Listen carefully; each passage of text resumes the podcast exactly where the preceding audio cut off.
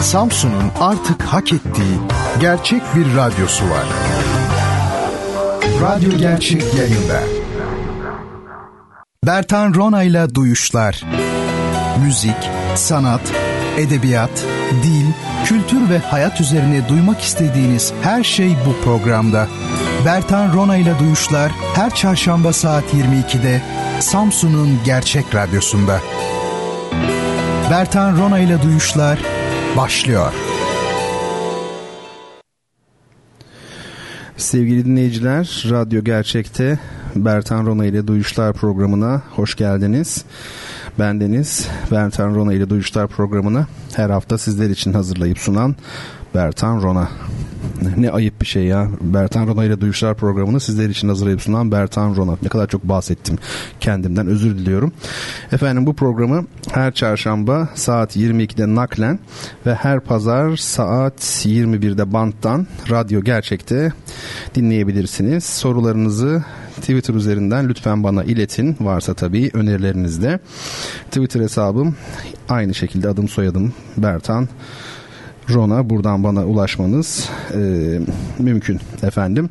E, bu gece başlamadan önce beni radyoya getiren sevgili e, taksi şoförü arkadaşa adını da keşke bilebilsem e, teşekkür etmek istiyorum. Beni buraya kadar getirdi. Eline ayağına sağlık. Zannediyorum dinliyor şu an. O kendini biliyor.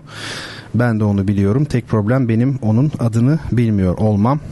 Onun şahsında da taksici esnafını ve geceleyin e, mesai yapan bütün emekçileri, e, polisleri, taksicileri, nöbette olan doktorları, her kim gece çalışıyorsa e, hepsini selamlayalım. Şimdi bu gece nelerden bahsedelim efendim nelerden bahsedeceğiz veya ben şunları planladım. Bizim e, önemli bestecilerimizden çok sesli müziğimizin çok önemli bestecilerinden e, Ferit Tüz'ün üzerine konuşmak istiyorum biraz. Biraz Dostoyevski üzerine konuşmak istiyorum. Biraz edebiyatçı olarak e, Dostoyevski'den sonra biraz komik kaçabilir ama kendim üzerine konuşmak istiyorum. Bugün iyice edepsizliği ele aldım. Ben kendimden konuştuğum zaman biraz utanıyorum. Ee, ama bu programda hiç kendi eserlerimden söz etmedim. Belki bir iki şiirimi okudum ama e, bir kitabımı tanıtmak istiyorum. Onun içerisinden bir e, fragman, bir parça e, okuyacağım sizlere. Edebiyat üzerine yine konuşuruz efendim. Böyle bir e, program yaparız. Biraz dil üzerine sohbet ederiz. Sorularınız varsa bana ulaşırsınız siz de.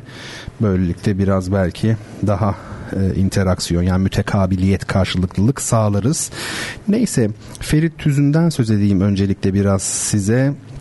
Ferit Tüzün e, benim çok sevdiğim bir bestecidir. Özellikle sevdiğim bir bestecidir. Neden? E, çünkü Ferit Tüzün'ün müziğinde diğer klasik müzik bestecilerinde pek olmayan bir şey var. Nedir o? Renk, duyumsallık ve e, sıcaklık. Şimdi biliyorsunuz klasik müzik biraz fazla bilgiççe e, bir müzik, fazla hesap işi bir müzik.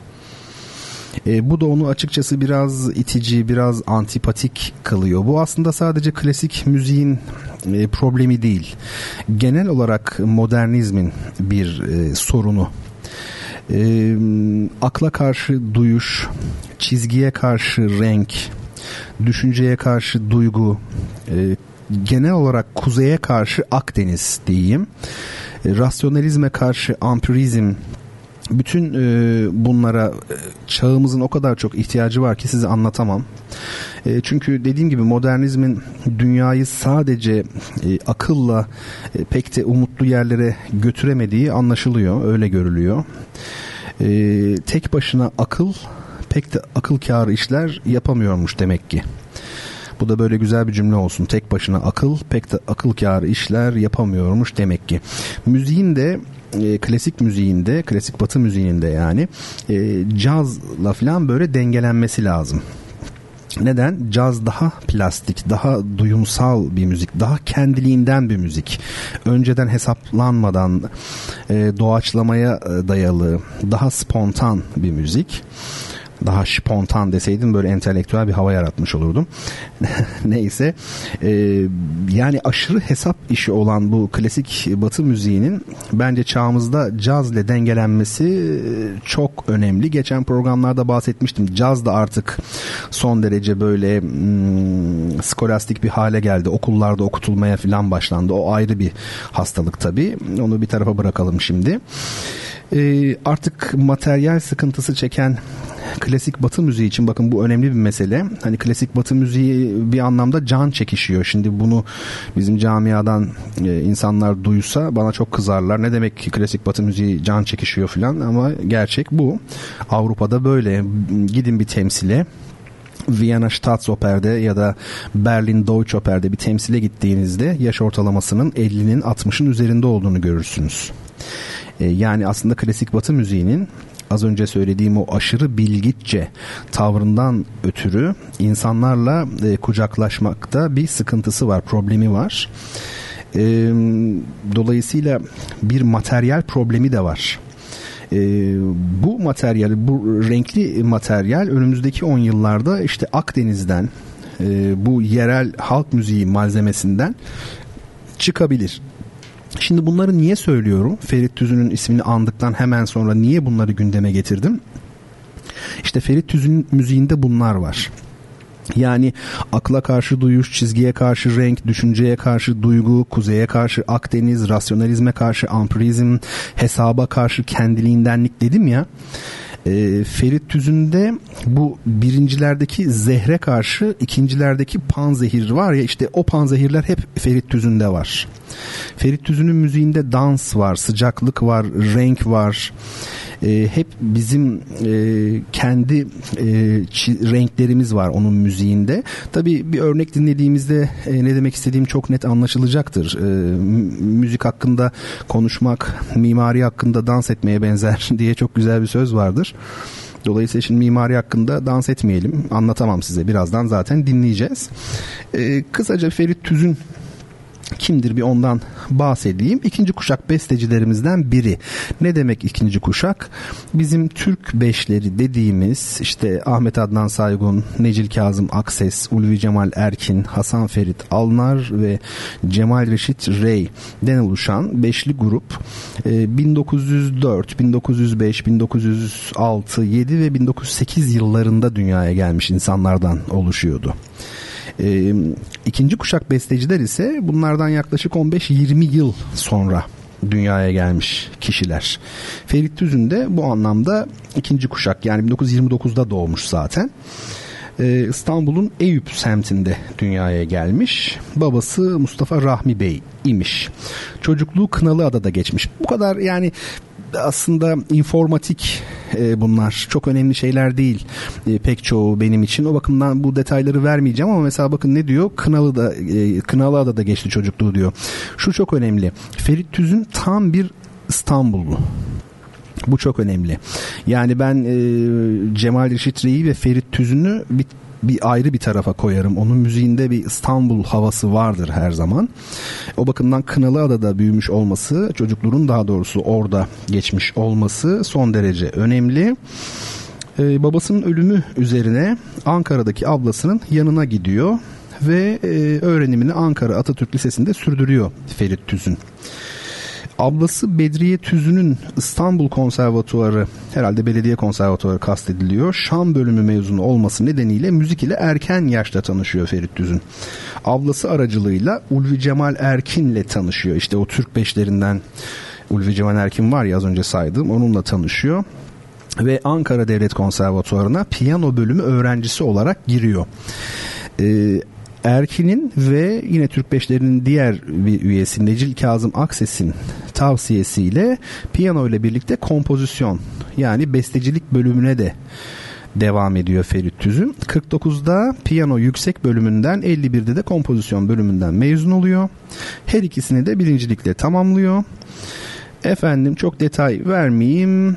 İlk önemli eseri Ninni adlı orkestra yapıtı oluyor Ferit Tüzün'ün. E, konservatuvarın son sınıfında öğrenciyken bestelemiş bu eseri. Yine bu eser 1952'de Cemal Reşit Rey yönetimindeki İstanbul Şehir Orkestrası tarafından ilk defa seslendirildi ki bu e, İstanbul Şehir Orkestrası daha sonra İstanbul Devlet Senfoni Orkestrası'nın e, çekirdeği olacak olan bir orkestra. Şimdi bundan sonrası biraz daha ilginç. Milli Eğitim Bakanlığı'nın açtığı sınavı kazanarak 1954'te Ferit Tüzün Münih Müzik Akademisi'ne gönderiliyor. Yani onun hayatındaki Almanya macerası başlıyor. Orada ünlü şef Fritz Lehmann'ın öğrencisi oluyor. Lehmann'ın ölümü üzerine orkestra şefliği çalışmalarını Adolf Menerich ve Godolf Ephraim Lessing'in yardımıyla yanında sürdürüyor. Lessing e, önemli bir müzik adamı. Türkiye'de de Cumhurbaşkanlığı Senfoni Orkestrası'na çok emeği vardır. E, demek ki Ferit Düz'ün orkestra şefliği de çalışmış. Bir yandan e, kompozisyon çalışmalarını da sürdürüyor. Münih'te e, iki önemli besteciden e, efendim bestecilik dersleri de alıyor. Bir tanesi Karl Amadeus Hartmann, öbürü de Karl Orff. Hani şu Carmina Burana var ya meşhur. Duysanız hemen hemen hepinizin aa bu bu eser mi diyeceğiniz Carmina Burana. İşte onun bestecisi Karl Orff. 58'de tamamlıyor eğitimini. Bursunu da bir yıl uzatıyor ve Münih Devlet Operası'nda şef yardımcılığı yapıyor. Bakın bu da çok önemli. Çünkü bir bestecinin opera bilmesi çok çok önemli. Orkestra şef yardımcılığı yapıyor. Çeşitli konserler de yönetiyor. E, Ferit Tüz'ün Almanya'da kaldığı süre içinde Anadolu Suiti adlı bir eser bestelemiş 54'te. Türk Kapriçosunu bestelemiş 56'da. Bakın isimlere dikkat edin. Anadolu Suiti, Türk Kapriçosu, işte Nasrettin Hoca, e, Çayda Çıra birazdan dinleyeceğiz. Hep e, yerel isimler bizim kendi folklorumuzdan kültürümüzden kaynaklanan isimler bunların da böyle çok renkli bir orkestrasyonla dışa vurulduğunu göreceğiz. E, bu eserlerin seslendirilişleri Münih Filarmoni Orkestrası tarafından yapılmış. Bu da bir Türk besteci için o dönemlerde önemli bir kariyer. Yani Münih Filarmoni Orkestrası'nın e, bir Türk bestecinin eserlerini e, ilk seslendirmesi önemli bir şey. E, şöyle bir bakalım. Çeşmebaşı Balesi'nin de temelini oluşturuyormuş bu eserler. Çeşmebaşı e, Balesi e, ilk Türk balesidir sevgili dinleyenlerim. Bu da Ferit Tüzün'ün önemli eserlerinden biri. Şimdi e, deminden beri müziği çok anlatmaya çalıştım. E, çok renkli, çok sıcak dedim. Öyle değil mi? Çok kendiliğinden dedim. Orkestrasyon parlak dedim. Dedim de dedim. Pek çok şey dedim. Duygusal dedim. Ampirik dedim. Akdeniz tonları var dedim. Bakalım neymiş bu? E, bir duymaya çalışalım. Şimdi Ferit Tüzün'ün bir eseri var. E, Çayda Çıra bu çayda çıra bizde aslında operanın temellerinin çok eskiden beri var olduğunu gösteriyor. Çünkü çayda çırada e, aslında koreografi var, dans var biliyorsunuz. E, bir öyküsü var, e, söz var, müzik var, oyun var, her şey var aynı opera gibi. Çayda çıra. E, Anatolian Candle Dance demişler. Öyle çevirmişler İngilizce. Elimdeki CD'de öyle görünüyor. Efendim e, Moskova Radyo ve Televizyon Senfoni Orkestrası orkestra şefi Hikmet Şimşek yönetiminde e, seslendirmiş. Bu söylediğim e, hususlara bir dikkat ederek dinleyelim bakalım ve dinledikten sonra da kaldığımız yerden devam edelim efendim.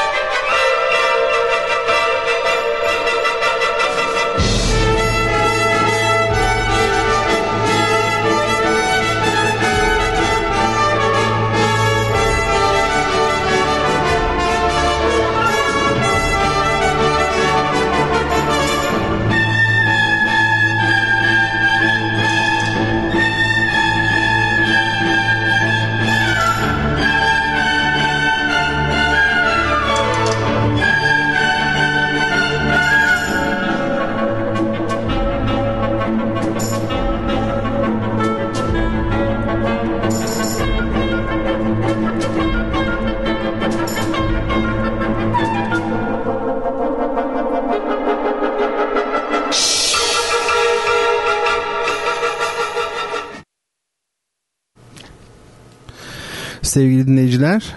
Radyo Gerçek'te Bertan Onaylı Duyuşlar devam ediyor. Programda müzik, sanat, edebiyat, kültür, dil ve hayata dair her şeyi konuşmaya çalışıyoruz. Sizler de bize katılın. Gecenin bu saatinde biraz sohbet edelim. Sanat, edebiyat ve sinema yapıtları üzerine söyleşelim. Sorularınızı lütfen bana iletin. Twitter hesabım Bertan Rona. Evet zannediyorum e, Ferit Tüzün'ün müziği üzerine daha doğrusu Ferit Tüzün'ün müziğinden hareketle e, söylediğim e, parlaklık, renk, sıcaklık, kendiliğindenlik e, gibi olgular bütün bunlar ne demek e, anlaşılmıştır.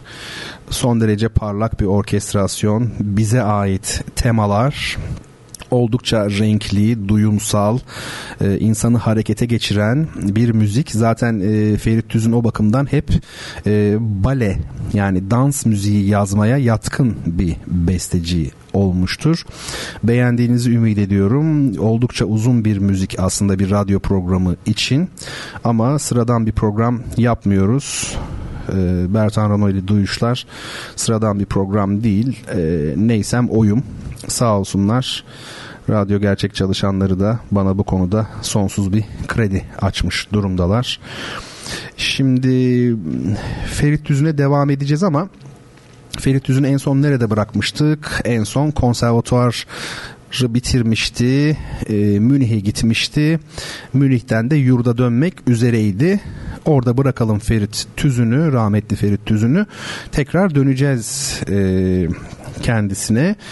Şükrü Başkaya bir soru sormuş sevgili Şükrü Başkaya. Hocam Anadolu'yu ve Türkleri anlatan bestelerde hep bir coşku var.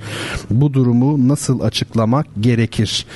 E, zannediyorum öncelikle işte sözünü ettiğim Akdenizli olmakla açıklamak gerekir. E, buna benzer bir coşku İtalyanlarda da var. İspanyollarda da var. Ama bir benzeri var. Tamamen aynısı değil. Çünkü biz Gerçekten enteresan bir milletiz. Akdenizliyiz tabii. Ancak Asyatik kökenlerimiz de var. Asyalı kökenlerimiz de var. Efendim e, Asyalı olmak şöyle bir şey. Yani e, bir bozkır halkı imiş Türkler bir zamanlar malum haliniz. Bu da sürekli hareket halinde olmak demek. Sürekli değişmek, başkalaşmak ve göç etmek demek. Tabi göçebe olmak başka, göçmen olmak başka. Ee, bizde galiba göçmenlik daha ağır basıyor. Ve e, coğrafi olarak şöyle bir düşünecek olursanız zaten göç yolları hep doğudan batıya olur. Başka bir tarafa olması da pek mümkün değil. Çünkü Asya'dan batıya doğru gelinecektir efendim e, bunu da katacak olursak biraz böyle biz kanı deli olan böyle delikanlı tabiri caizse bir milletiz. O bakımdan e, bizde hep hareket vardır. Bir de bizde e, galiba millet olarak aşırı uçlar var her zaman. İtidal pek yok. Yani şöyle biz e, ya e, çok acı yaşarız ya da çok hareketli yaşarız. Yani ya uzun havalar vardır mesela şöyle bir türkülerimize bakın ya da işte oyun havaları, halay havaları vardır. E, bunun üzerinde durulmalı tabii bir radyo programı kapsamında e, ele alınabilecek şeyler değil ama ana hatlarıyla e, böyle e, söylemiş olalım. Şimdi elimde bir kitap var. Size onun hakkında çok kısaca bir şeyler söyleyeyim. E, bilirsiniz çoğunuz e, Dostoyevski'nin Beyaz Geceler adlı kitabı. Daha doğrusu Beyaz Geceler öyküsünü içeren e, Türkiye İş Bankası Kültür Yayınları tarafından basılmış kitap. Beyaz Geceler bir öykü aslında bir roman değil. E, bildiğim kadarıyla İş Bankası Kültür Yayınları e, Dostoyevski serisi e, yayınlıyor, yayınlıyor. Bu bütün eserleri 12 diyor en arkada. Demek ki 12.si bu. Beyaz Geceler. Beyaz Geceler biliyorsunuz 1848 tarihli bir e, öyküdür, hikayedir. Demek ki Dostoyevski 27 yaşındayken yazmış e, Beyaz Geceleri. E, St. Petersburg'un e, ünlü Beyaz Gecelerinde yaşanmış 4 günlük bir aşk macerasını anlatıyor. Herkese şiddetle tavsiye ederim. Herkese okumasını tavsiye ederim.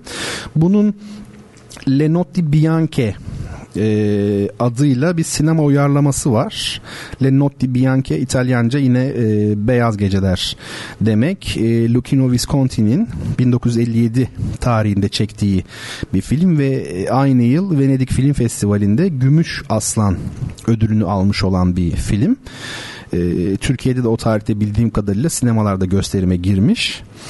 E, İtalyan sinemasını ben çok seviyorum. E, belki hani opera sanatının içinde olmamla bir ilgisi vardır. E, İtalyan sinemasını sevmemin. Ama hakikaten orijinal bir e, sinemadır İtalyan sineması. E, incelemenizi tavsiye ederim. Filmlerini e, görmenizi tavsiye ederim. Mesela yönetmen yönetmen gidebilirsiniz. Mesela bir yönetmen belirleyin kendinize. Diyelim ki Federico Fellini. E, onun filmlerini bulun ve kronolojik sıraya göre seyredin.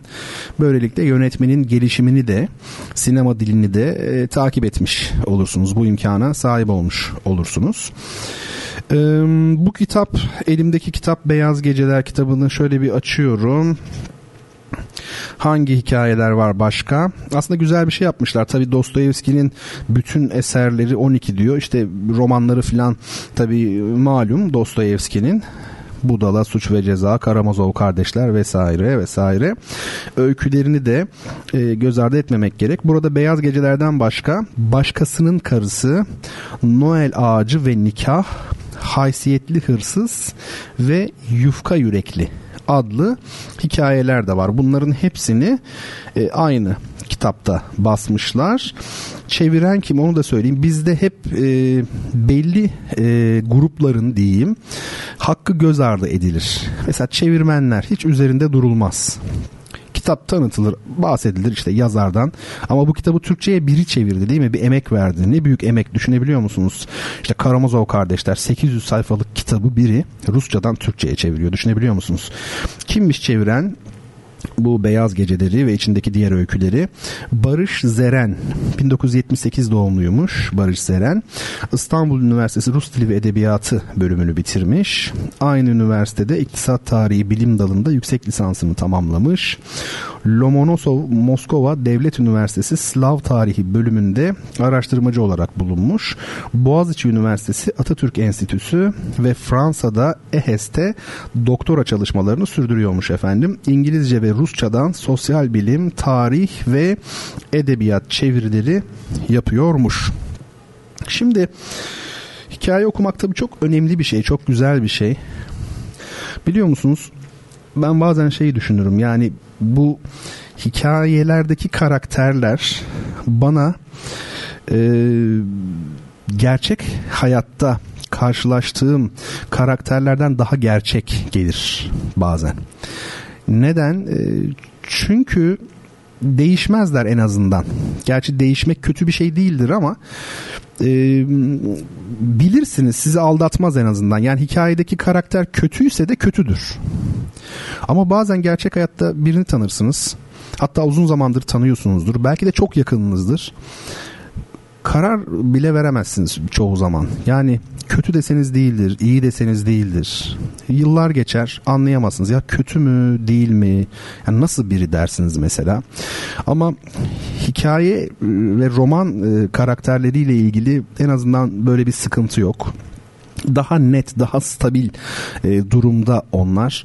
Bazen dediğim gibi bana daha e, gerçek gelmiş oluyorlar.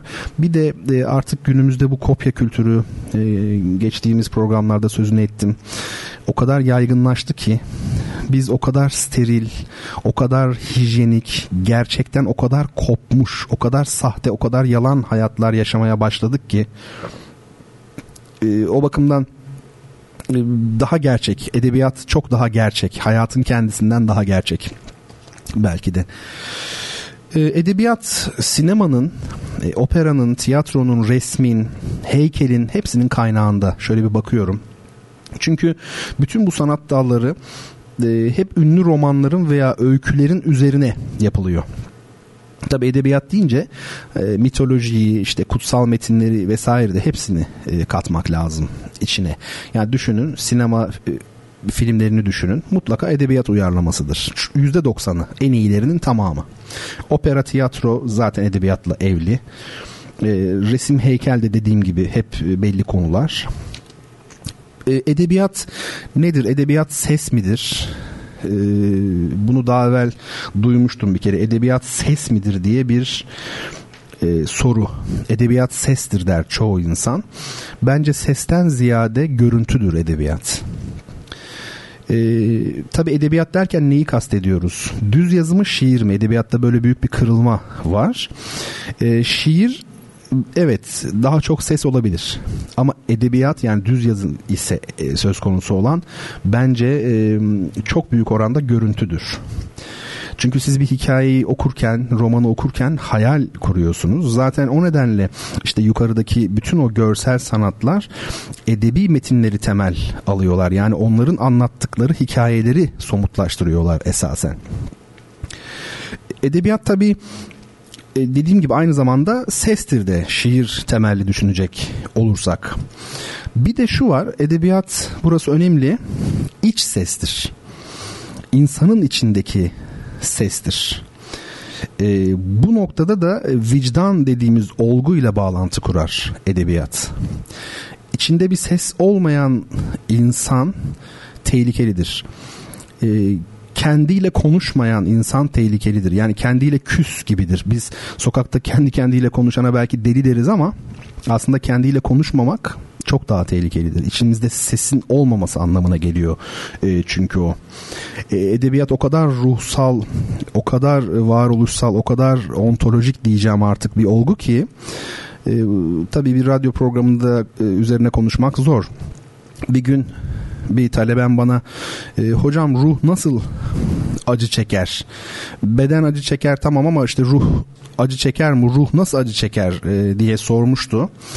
E, ben de kendisine cevaben ruh kaygı duyar demiştim.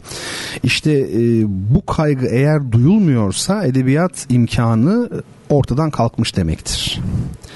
Yani ruh kaygı duyacak mutlaka. Hakikat karşısında tedirgin olunacak mutlaka.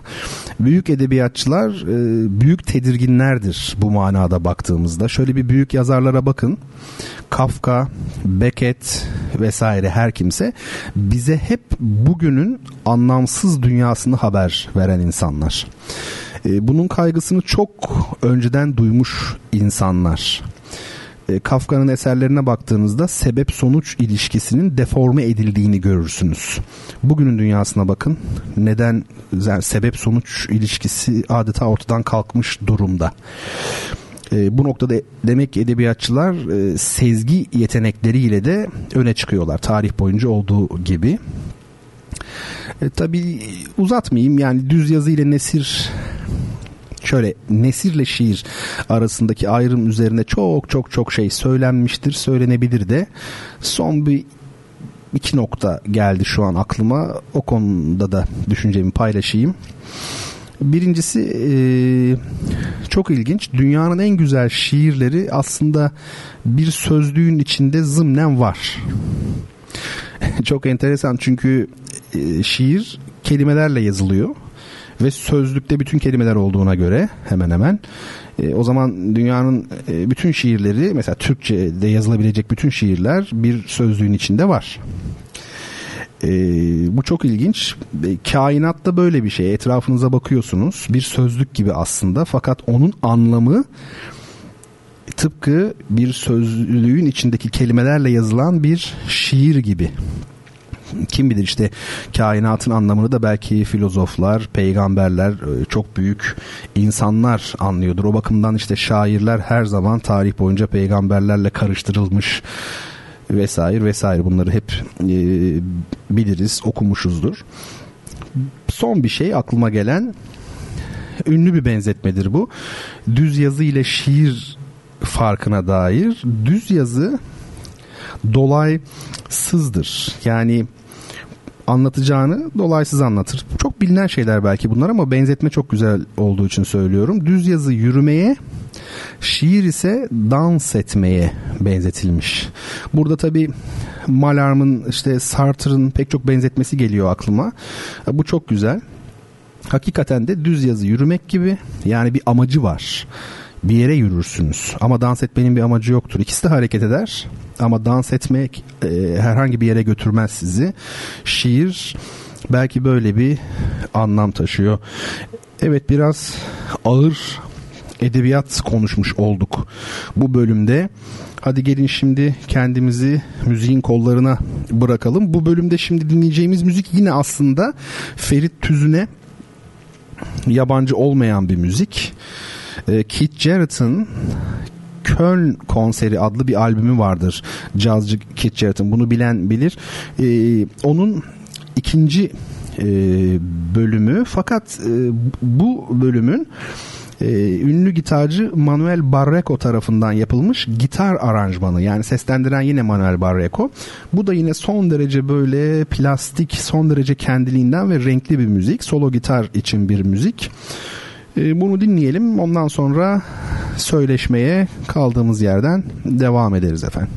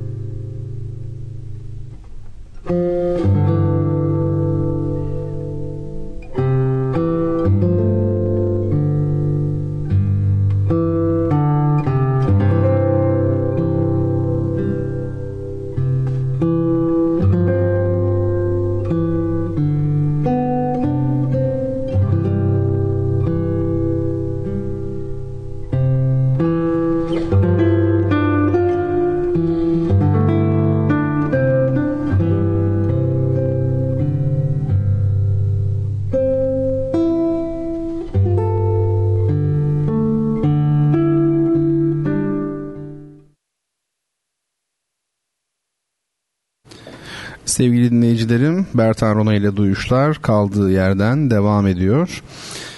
Nerede kalmıştık?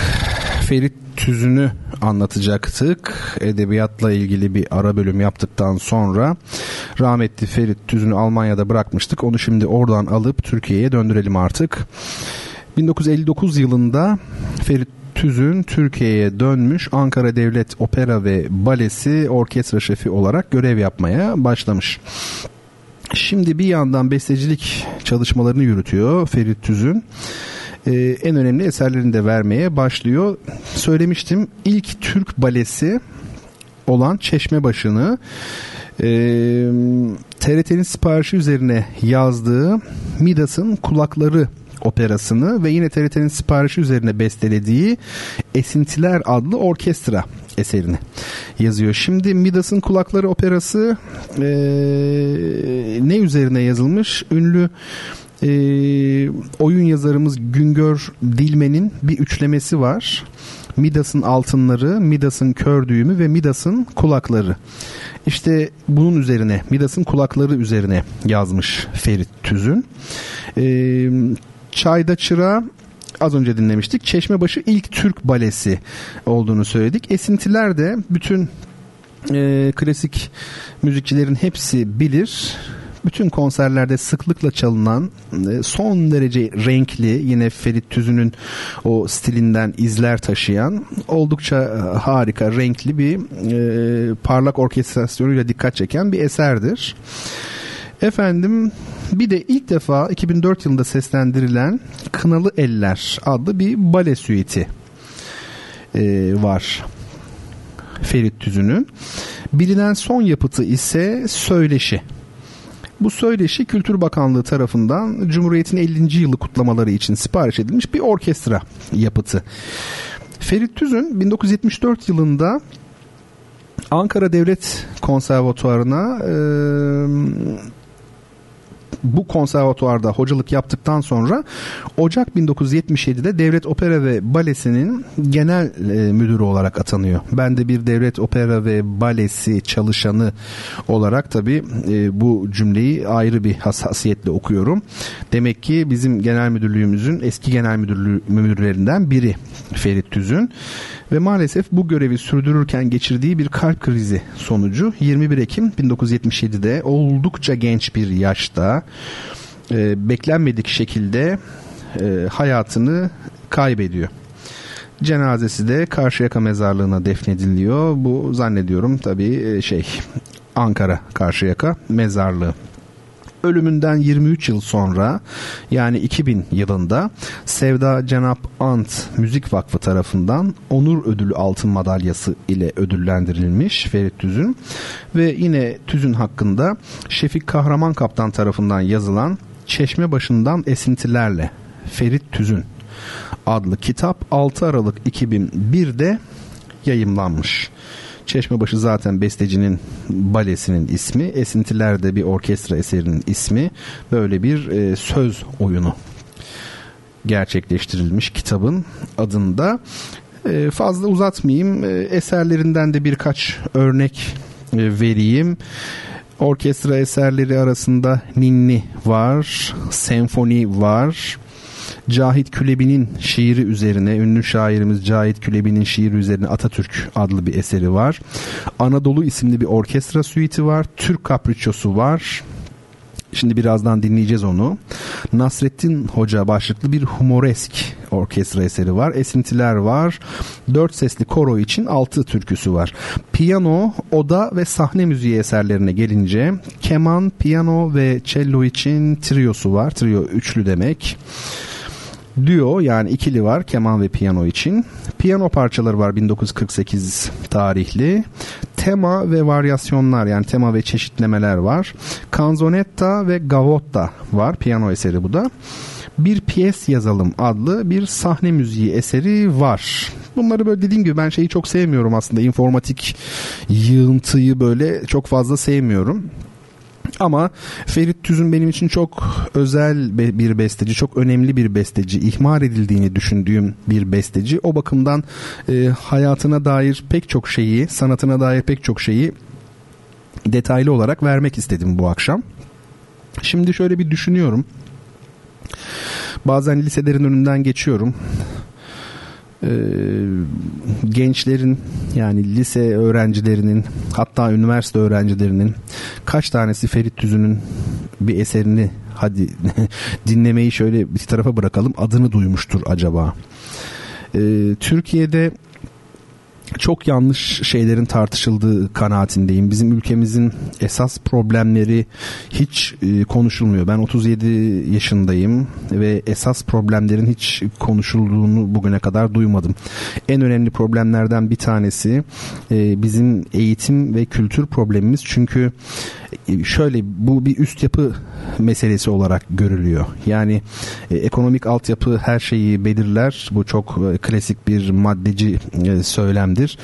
E, dolayısıyla işte kültüre, eğitime çok daha sonra sıra gelir e, deniyor. Fakat 1980'lerden sonra çok başka dengeler yarattı bilimin ilerleyişi dünyada. Artık e, teknolojiyi üreten çok klasik sözler bunlar belki ama e, teknolojiyi üreten ona sahip olan onu pazarlayan e, milletler dünyada söz sahibi. Yani e, bakın bunların çok klişe olmadığı nereden belli? E, Amerika Birleşik Devletleri oligarşisi tamamen askeri teknoloji üzerine kurulu. Ya da e, İsrail'in e, tarım teknolojisindeki, gen teknolojisindeki e, genetiği değiştirilmiş e, efendime söyleyeyim tohumlar üzerindeki hakimiyeti, işte yazılımlar, bilgisayar vesaire vesaire vesaire ben çok bilmiyorum bunları. Ve şimdi e, bizim e, gençlerimizin okuduklarını anlamada maalesef bulundukları düzey e, hiç parlak değil. E, tiyatro kültürümüz ne durumda? E, insanımızın yüzde kaçı e, tiyatroyla kontakt içerisinde? Edebiyat eserlerini ne kadar tanıyoruz? Kendi eserlerimiz olsun dünya klasiklerini olsun. Kaliteli müzikle ne kadar e, irtibat e, içindeyiz? Bedi zevklerimiz ne kadar incelmiş durumda? İnanın bana e, bir e, daha evvel söylemiştim siyaset, e, mülkiyet, cinsiyet, ticaret bunlar hep sahip olma ve alışveriş üzerine kurulu şeyler ve bunlar geçici şeyler bunlar gelip geçer.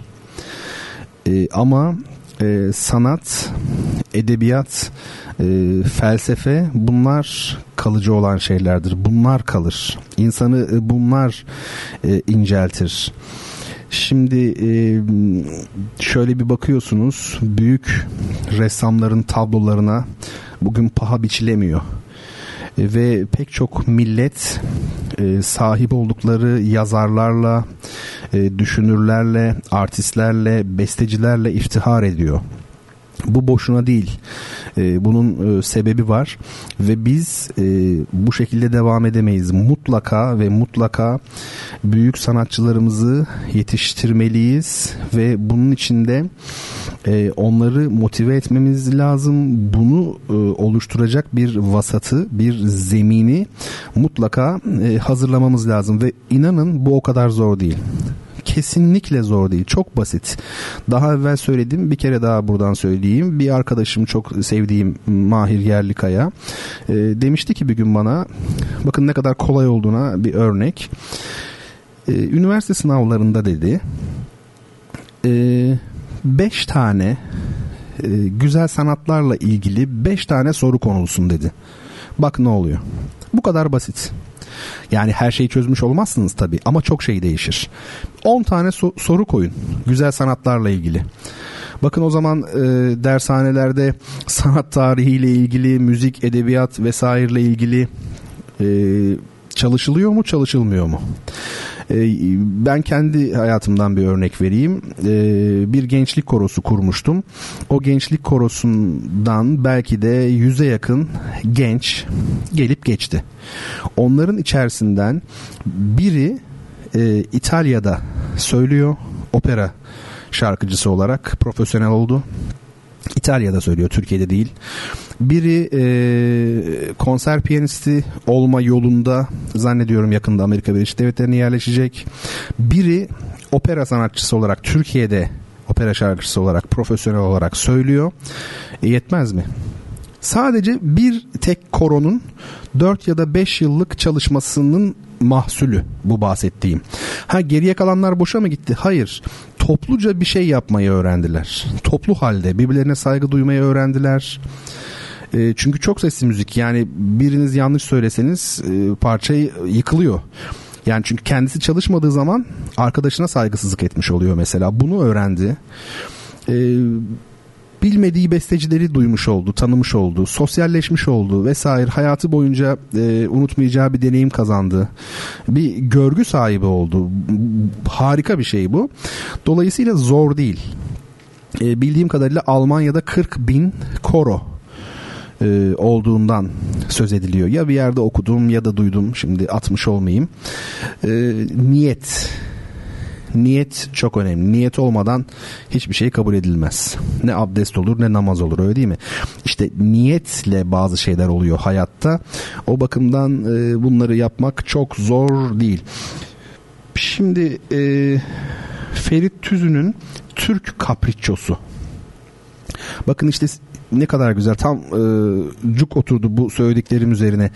Siz trilyonlarca lira neyse işte eski para yeni para bilmiyorum artık. E, istediğiniz kadar para dökün.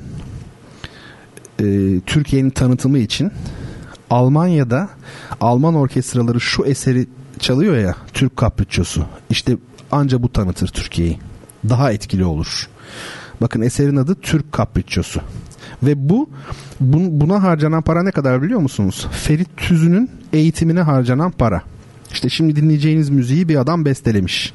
O kadar. Bir gencin eğitimine harcanan para bu kadar daha ucuz. Neyse.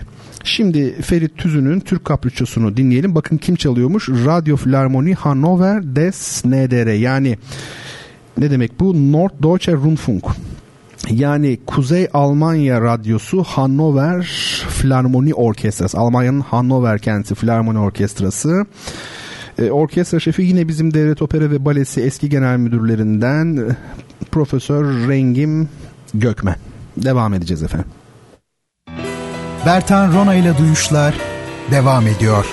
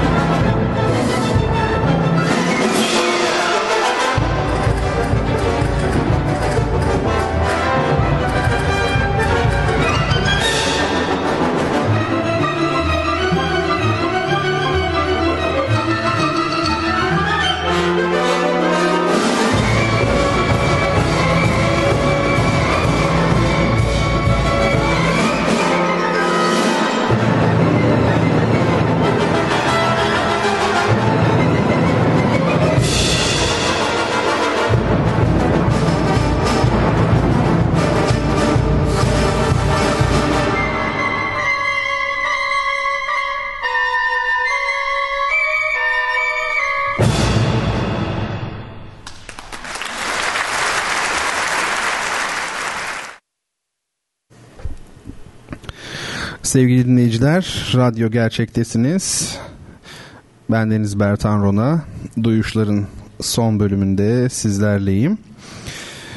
Efendim, bu kısımda daha önce de söylemiş olduğum gibi size kendi kitaplarımdan birini tanıtmak istiyorum. Kendi kitaplarımdan deyince de sanki böyle çok kitabım varmış gibi. Tane kitabım var. Onlardan birini tanıtacağım. Zaten biri edebiyat, biri müzik bilimi e, alanında olduğu için edebiyatla ilgili o sahadaki yegane çalışmam diyebilirim. E, adı İstanbul Koşukları yani İstanbul koşuları gibi düşünün. İkinci K parantez içinde koşuk gibi de okunuyor. Koşu gibi de okunuyor efendim. Ee, şimdi bu kitabı ne zaman yazdım? Bu kitabı 2007-2008 yıllarında yazdım. Daha doğrusu bu bir kitap değildi.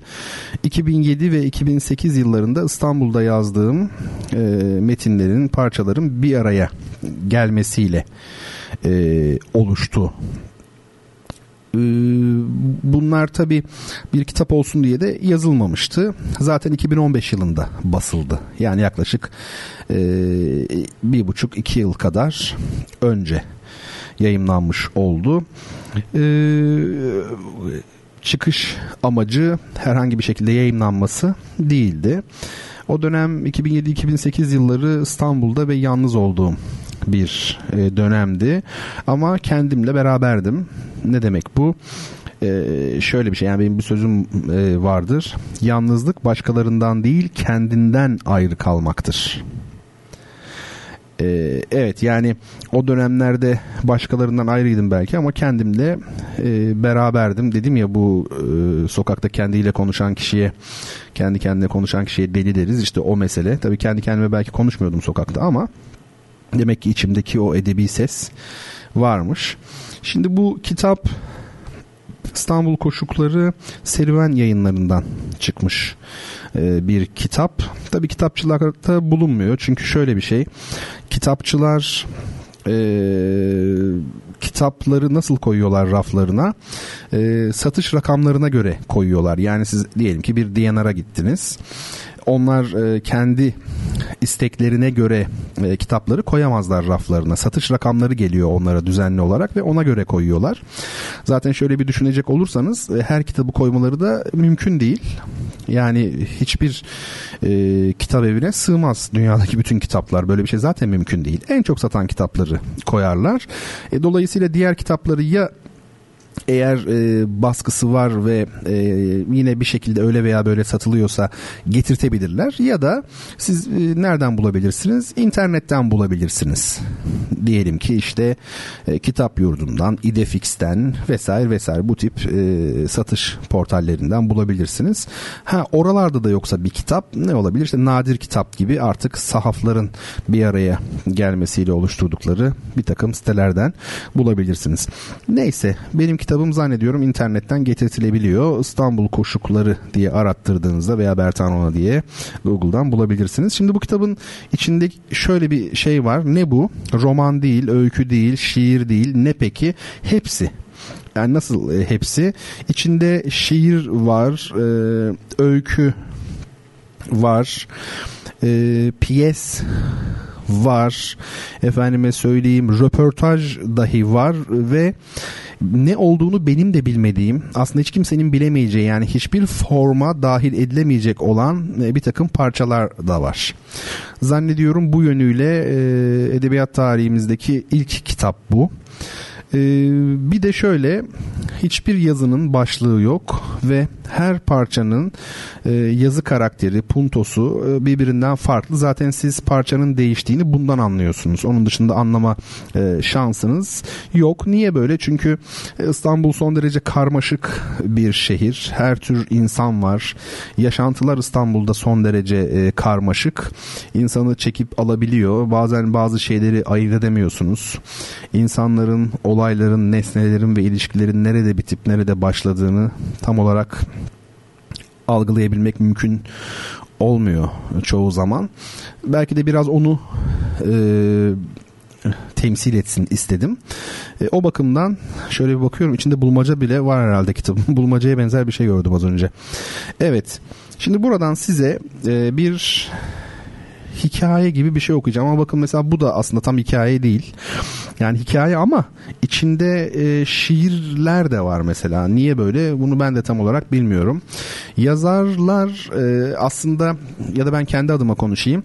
Yazdıkları şeye e, biraz Hegelci bir felsefe e, olacak belki ama yazdıkları şeye yabancılaşırlar yazdıktan sonra.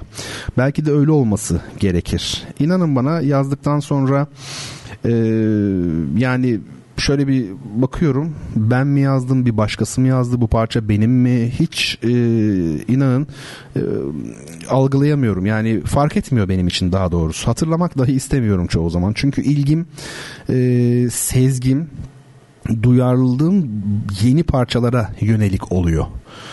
E, zaten bu da işin doğasında var. Okuyacak olanlar okusun. Ben bunları kendim için yazmış değilim yani. Bir nevi doğurganlık, dişil bir şey. Doğum yapıyorsunuz. Gerçi işte dedim ya doğu dişil diyoruz ama e, anne tabii çocuğuna yabancılaşmaz. E, burada doğurana kadar yani benziyor. Ondan sonra tamamen bir yabancılaşma söz konusu. Peki bir e, hikayeyi okumaya çalışayım affedersiniz. Başlığı olmayan bir hikaye bu. Tramvay Galata Köprüsü'ne gelince okuduğu kitaptan başını kaldırdı. Şu anda İstanbul kışkırtıcı güzelliğiyle baş kaldırtan bir şehirdi. Halbuki o bu şehrin gırtlağını sıkmak istiyordu. Boğazına sarılmak. İçindeki sesi dinlemeye karar verdi. İstanbul, İstanbul diyordu ses. Benden bu kadar. Kendine hayatı dürtecek yeni bir Asistanbul. Kim bilir karşılaştığı kişi ve kurumların gerçeklerle hiçbir ilgisi yoktu belki de. Hepsi hayal ürünüydü. Ama tam önünde büyülü endamıyla boy veren yeni camiye kıyamadı.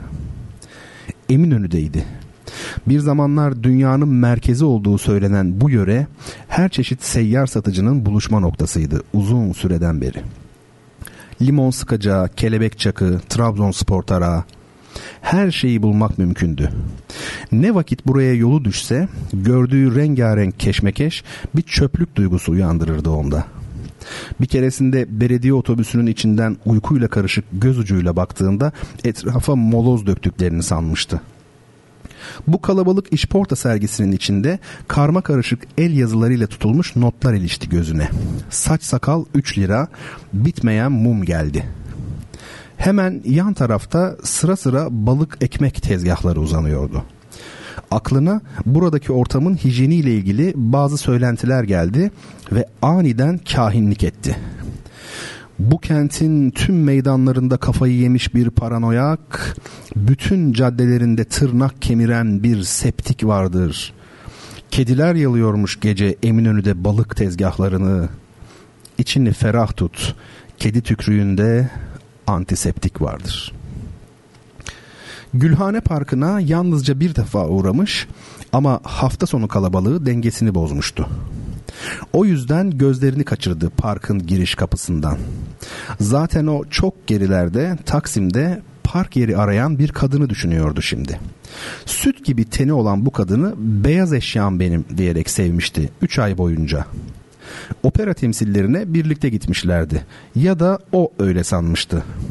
Beyoğlu'nda her gece verilen yaşam kavgasının ve insanı sarhoş eden o yapışkan telaşın ortasında türlü aksesuar ve oyuncaklarla, kostümler ve makyajla temsil veren sanatçıları evcilik oynayan çocuklara benzetiyordu devasa kütlesiyle ansızın karşısına çıkan Ayasofya ürküttü onu. Tramvayın camından yalnızca birkaç saniye görebildiği bu yüce mabedin 1500 yaşında olduğunu düşündü. Ayasofya zamandan etkilenmezdi. Çünkü zamanın kendisiydi o. Yıllar önce bir gün Cağaloğlu'na giderken çocukluğu gelmişti aklına. Uzak, çok uzak bir şehirde henüz 5 yaşındayken eski ve yırtık bir kitaptan kopardığı Ayasofya fotoğrafı ne güzeldi. O yıllarda hep hasta olduğu için geçmiş olsun derdi etrafındakiler. Oysa ki o bu paniği anlamakta zorlanmıştı oldum olası. her şey geçmiş olmayacak mıydı nasılsa? Belki de ortaçağ merakının kaynağı bu fikirlerdi. Pers imparatorunun vakanüvisi gibi tarih düşerken zorlanmadı. Küçükken multidisiplinlerdim. Uzmanıydım yakar topun. Bir de beş taşın.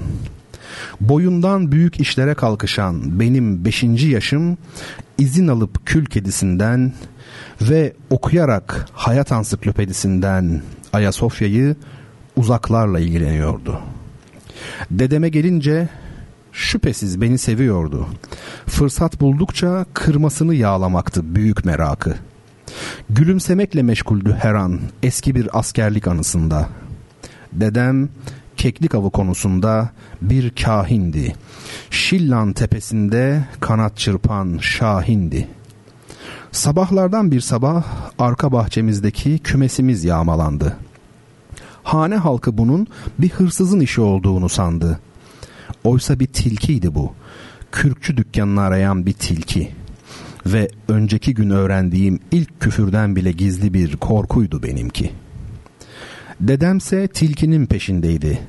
Üstelik her kıpırtının ardına düşebilecek kadar genç bir yaşındaydı. Dedem keklik avı konusunda bir kahindi. Şillan tepesinde kanat çırpan şahindi.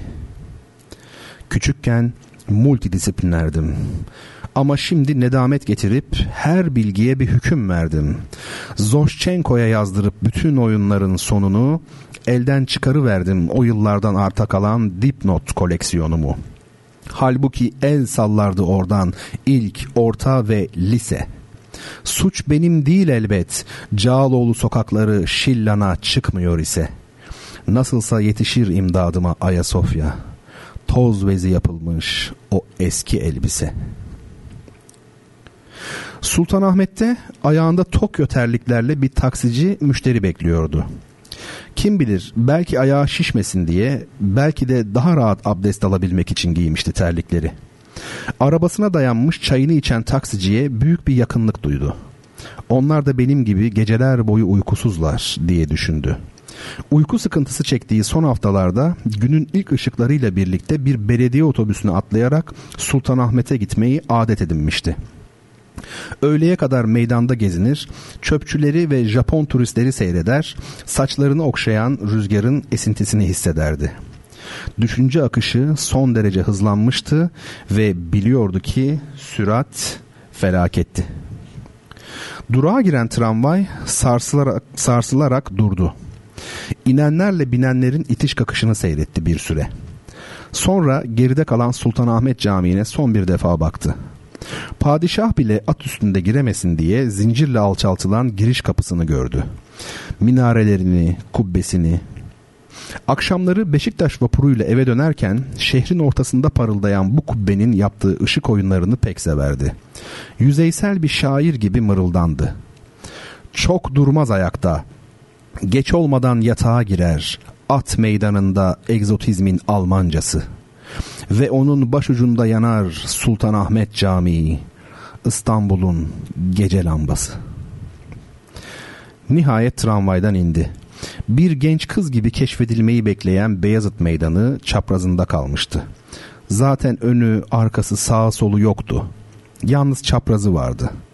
Üniversitenin bir zafer takına benzeyen kapısı, Mercan Yokuşu, Süleymaniye, Kuru Fasulyeci Ali Baba, şehir tiyatroları, Hepsini bir bir gözünün önüne getirdi. Hemen yanında kapalı çarşının sayısız kapısından biri duruyordu. Buralarda bir yerde beyaz eşyasıyla nargile içmeye gitmişlerdi. Ne çok gülmüşlerdi o gece. Nüktedan bir yanı vardı. Ancak o gün kapatırım kalbimi sana karşı. Ne zaman ki gerçekten kapanır kapalı çarşı. Yeni kapıdaki iskele temizleniyordu. İri kıyım işçiler tankerin hortumuyla etrafı suladılar. Annesi suyu açık bırakma oğlum dedi. Gülhane kalabalığa dayanamadı. Ayasofya'nın bir duvarı çatladı. Taksici taksimetreyi açmayı unutmuştu. Japon turist başını zincire çarptı. Galile 1564'te aydaki kraterleri Christoph Kolomb 1491'de San Salvador'u görmüştü. O da 2007'de Yeni Kapı açıklarında demirlemiş gemileri gördü. Troy filminin başına benzetti. Bin gemiden oluşan bir donanma kursam ve Helen'i kurtarmaya gitsem dedi. Tıpkı yılanlı sütunun başını uçuran o isimsiz Yeniçeri gibi Aşil de kılıcıyla Apollon heykelinin başını uçurmuştu. Saatine baktı, durmuştu. Saati durmasa kendisi duracaktı. Hasta değildi, insandı. Bir kadın gördü ama bin sandı. Yılmadım hayat bana biçtiği sensizlik hükmünü açıkladığında. Beklemeye karar verdim gemiler gibi demirlemiş yeni kapı açıklarında. Evet böyle bir parça duyduğunuz gibi e, öykü aslında bir çeşit öykü. Ama içinde şiirler de var. Şiirler yerleştirilmiş. Buna bilinç akışı mı diyorlar? Emin değilim yani bu tam olarak e, neye dahil edilebilir? Hangi tekniğe? E, bir tür olaysızlık var tabi yani tramvayla bir yerden bir yere gidildiği e, söylenebilir ise de e, çok somut çok belirli bir yolculuk yok böyle bir parça. Neyse o kendini anlatsın. Üzerine çok fazla konuşmaya gerek yok. Dediğim gibi e, böyle e, kaç sayfaymış bu kitap? Kendi kitabıma ne kadar yabancıyım? 94 sayfaymış İstanbul Koşukları. İnşallah bu yaz yeni bir kitap geliyor. İkinci bir kitabım yolda. Ee, internetten sipariş edebilirsiniz. Şimdi sevgili dostlar bugün programımızı uzattık. Sevgili arkadaşlar arasında program çok güzel ama tek kusuru biraz kısa olması diyenler vardı. Zannediyorum bugün ideal oldu değil mi? Yani bir buçuk saati bulmuş olduk. Ee, ayrılmadan evvel son bir müjde vereyim. Öyle bir şey var yani bir müjde vereyim falan. Niye müjde olsun ki? Belki de beni çok sevmiyorsunuzdur. Çünkü müjde şu. E, bundan böyle haftada iki gece beraber olacağız sizlerle. Neden? Şöyle e, tarih üzerine bir e, programa başlıyorum efendim. E, tabii popüler bir tarih olacak bu. E, 20. yüzyılda olsun, daha önceki yüzyıllarda olsun yaşanmış enteresan olaylar, e, insanların ilgisini çekebilecek, sizlerin e, dinlemekten mutlu olabileceğiniz, e, hayrete düşebileceğiniz bir takım olaylar. Ama e, aynı zamanda e, bugüne ve geleceğe de e, ışık tutabilecek, işimize yarayabilecek olaylar. Yani bir anlam taşıyan olaylar. Yoksa dediğim gibi e, bir bilgi yığından öteye e, geçmez e, enteresan çok e, enteresan konularla e, sizlerle birlikte olmayı e, planlıyorum. Tabi Bertan Rano ile duyuşlar devam edecek. Burada biz e, yine müzik, sanat ve edebiyat üzerine söyleşmeye çalışacağız aynı şekilde. Eee tarih üzerine olan e, programımız çok kısa bir zaman içerisinde e, yayın hayatına başlayacak. E, ismi henüz belli değil. E, bu noktada da aklınıza orijinal isimler gelirse lütfen benimle paylaşın. E, seve seve değerlendirmek isterim. E, haftanın hangi günü olacağına da sevgili arkadaşlar karar verecekler. O da haftada bir gün olacak. Dolayısıyla akşam saatlerinde olacak yine. Dolayısıyla haftada iki gece bir e, edebiyat, müzik, sanat programı bir de e, popüler tarih programı olmak üzere sizlerle birlikte olacağız sevgili dinleyicilerim. Kapatırken hangi e, parçayla kapatacağız? Vagıf Mustafa Zade e, onu çok sevdiğimi artık biliyorsunuzdur. Müdavimlerim biliyordur. Özellikle takip ettiğim, beğendiğim. Takip ettiğim demeyeyim çünkü e, hayatta değil Vagıf Mustafa Zade. E, kayıtları belli sayıda. E, çok e, seviyorum. Bir ruh var çünkü Vagıf Mustafa Zade'de. Kayıtlar eski, teknolojik kayıtlar değil. Hep plaktan e, kayıtlar. Fakat ruhla çalıyor gerçekten. Büyük bir müzisyen. Ee, onun Hands Over Hands adlı bir albümü var. Oradan e, Yollar adlı bir parça Sevil isimli bir e, vokal dörtlü var. Dört hanımdan oluşuyor. E, onlar söylüyorlar. Vagıf Mustafazade e, piyanosuyla onlara eşlik ediyor. Muhtemelen düzenleme de kendisine ait. Bu bir halk şarkısı mı yani türkü mü yoksa e, özgün bir beste mi onu tam olarak bilmiyorum açıkçası. Ama çok güzel olduğunu e, biliyorum. E, bu güzel parçayla sizlere veda ediyorum. Ee, pazar gecesi saat 21'de e, bu programın banttan kaydını Radyo Gerçek'te dinleyebilirsiniz. Haftaya çarşamba saat 22'de tekrar görüşeceğiz umarım. Ee, ve dediğim gibi onun dışında da tarih programını en kısa zamanda yayın hayatına e, sokacağız. Şimdilik öyle görünüyor. Hepinizi hürmet ve e, hür, e, muhabbet ve kelime gelmedi aklıma bazen öyle olur. Hürmet ve muhabbetle kucaklıyorum. Esen kalınız efendim.